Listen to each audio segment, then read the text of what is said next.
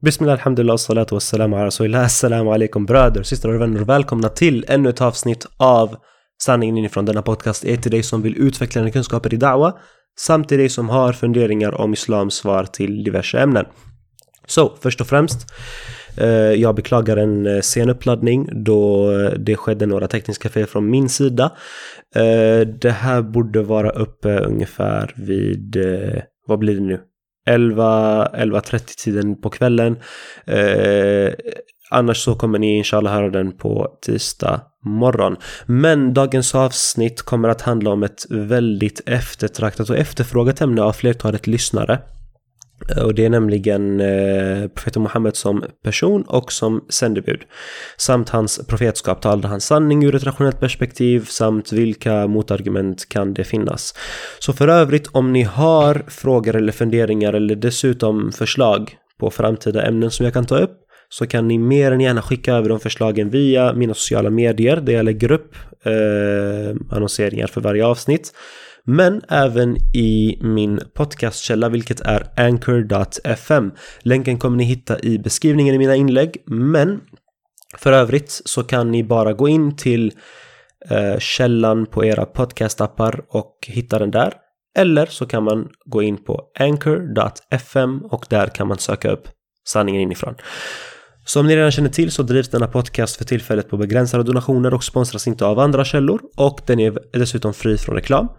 Så era donationer uppskattas så hjärtligt och jag är så jättetacksam för allihopa som har bidragit med detta för att det har verkligen underlättat mitt arbete. Så för att bidra till podcasten så kan ni swisha till 073 576 7879. Numret är alltså 073 576 7879.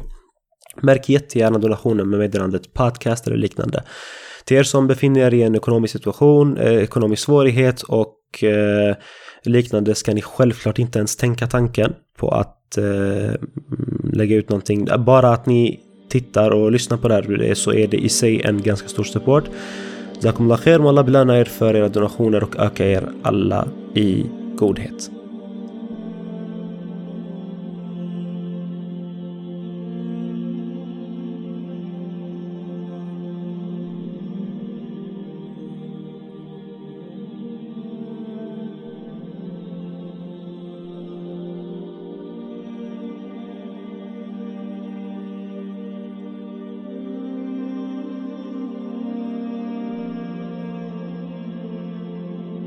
Profeten Muhammed fred var över honom skickades till mänskligheten för att kalla dem till dyrkan av en gud samt att följa de tillskrivelser och order som Gud sände ner både via Koranen men dessutom via profetens tillskrivelser som idag känns som hadith eller eh, profetiska återberättelser.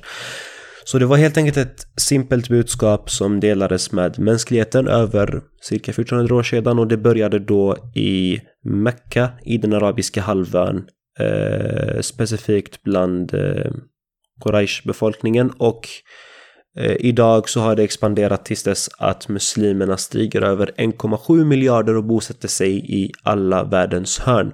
Men för att klargöra jättesnabbt, det innebär inte att allt innan detta var total falskhet och att alla människor som levde innan 1600-talet var helt vilseledda och förtjänar helvetet och liknande. Det är inte alls det vi tror på.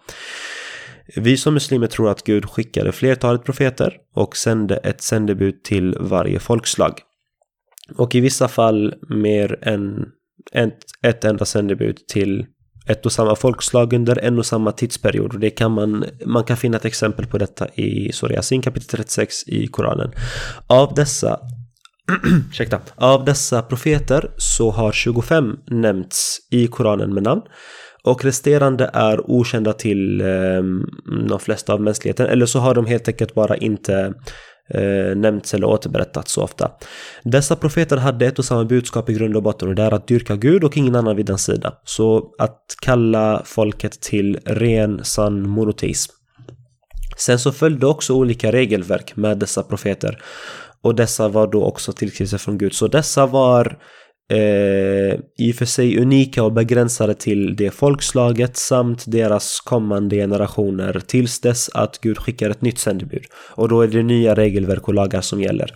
Oftast så var det där i samband med att folket blev så pass korrupta och kunskafulla att budskapet var på väg att utrotas och eh, eller dessutom korrumperas och förändras. Så skillnaden mellan dessa profeter, fred vara över dem allihopa, och det sista sändebudet, profeten Muhammed, fred över honom, är att deras budskap var tidsbegränsade och ibland dessutom begränsade till en endaste befolkning.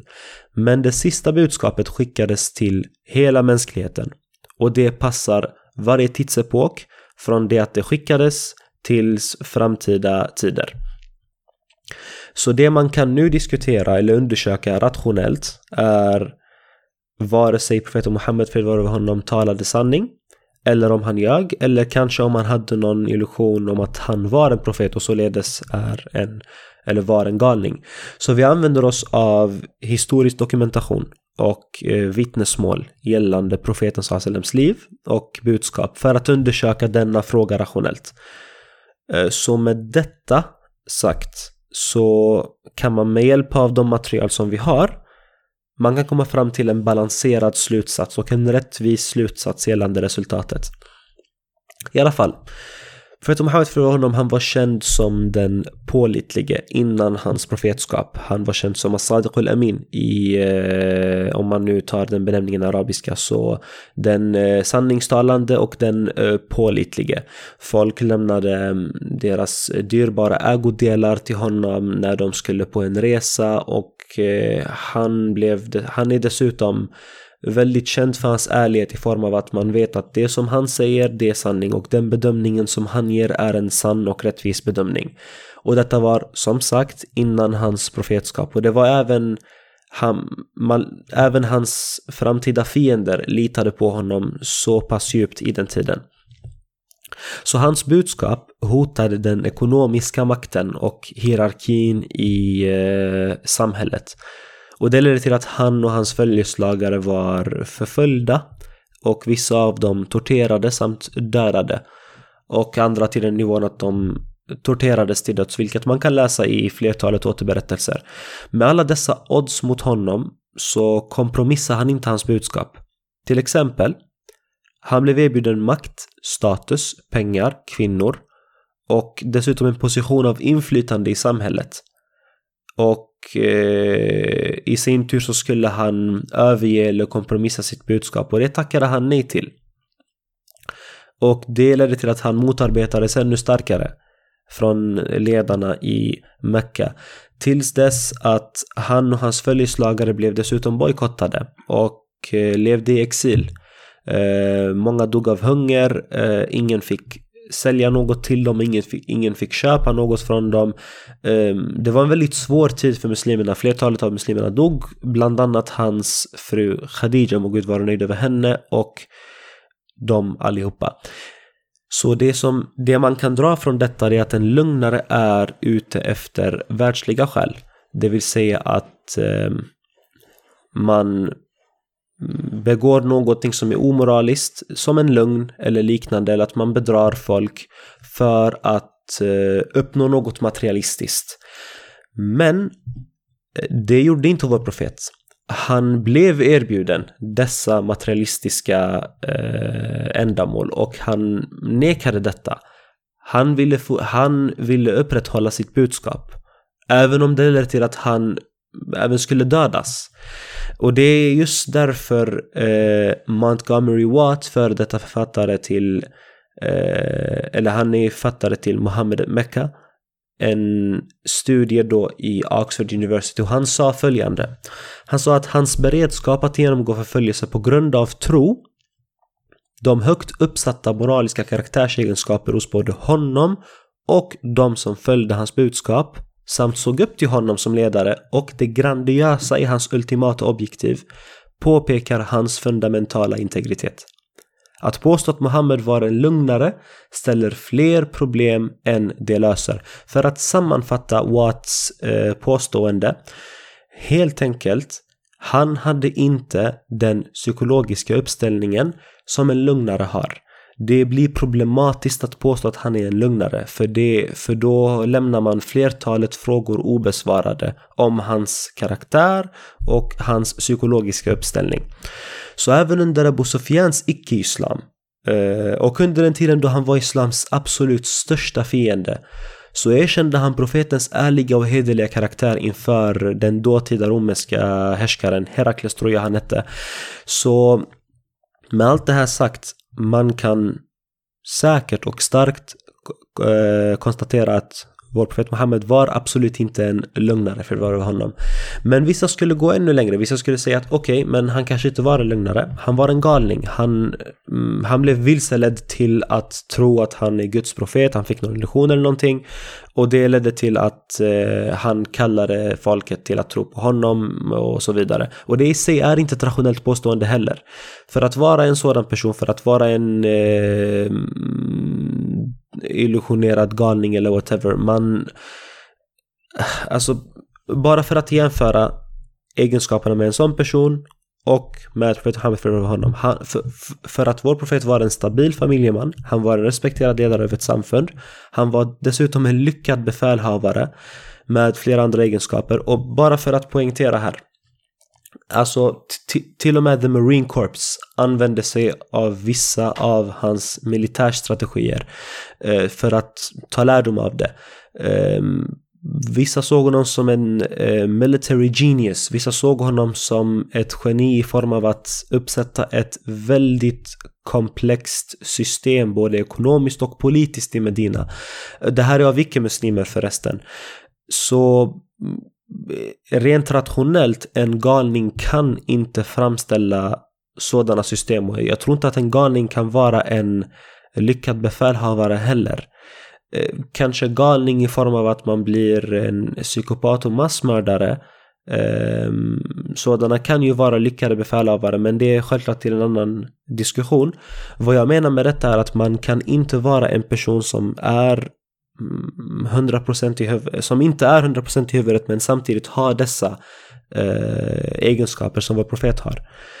Eh, dessutom så kan man också konstatera att en galning skulle ta emot vilket attribut som påpekar hans sanning eller hans profetskap och köra på det. Vad jag menar med detta är ett, bara ett exempel.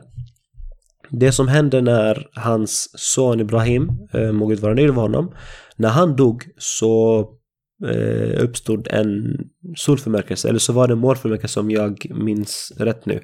Eh, vilket som vissa av följeslagarna tog denna förmörkelse som ett mirakel och då påstod man att aha, eh, det blev en förmörkelse eh, när en av hans söner dog. Det bevisar hans profetskap. En galning hade sagt Well, ja, Absolut, det, det är ett bevis. Jag är profet och attraherar ännu fler följare. Men det gjorde inte vår profet utan han sa att solen och månen är ett tecken från Gud. De förmörkar sig inte efter någons död. Och inte bara det där, han hade flertalet, eh, det var flertalet incidenter där han förutsåg några saker som skulle ske i det muslimska samfundet och världen omkring efter hans död. Och bland annat vad som skulle hända med ledarskapet för muslimerna och så vidare. Men ännu fler detaljer, ibland i väldigt, väldigt djupa detaljer. Till exempel, han förutsåg att mongolerna skulle invadera den arabiska halvan och ta till sig en stor del av muslimernas land. Och det kan man läsa i hadithen i Sahih Muslim. Han förutsåg till exempel att eh, de skulle, och i den hadithen beskriver han mongolerna i en ganska djup detalj. Till exempel, han går till och med till den nivån att beskriva deras skor. Eh, vilket de, och det, och, det, och det han sa då var att de, bar på, de bär på skor gjorda av hår. Degti kallas det om man kan söka efter det. Så han beskrev mongolerna i så pass djup detalj att inte någon i hans tid kunde göra det bland hans omgivning så att säga. Och inte nog med det, han förutsåg dessutom att beduinaraberna skulle tävla med varandra om att bygga de högsta byggnaderna mot slutet av tiden. Och det intressanta här nu, innan jag går in och eh, förklarar vad som hände senare. Det intressanta här är att han tog inte en ett generellt påstående sa att araberna kommer att tävla med varandra. Nej, utan han sa specifikt beduinaraberna. Beduinaraberna var den, på den tiden, de mest ociviliserade och de mest okunniga av araberna. Och det gör påståendet ännu mer fantastiskt. Det vill säga, hur kan de mest ociviliserade av araberna tävla om att producera mm, mästerverk i arkitektur? Och eh, höga mästerverk också.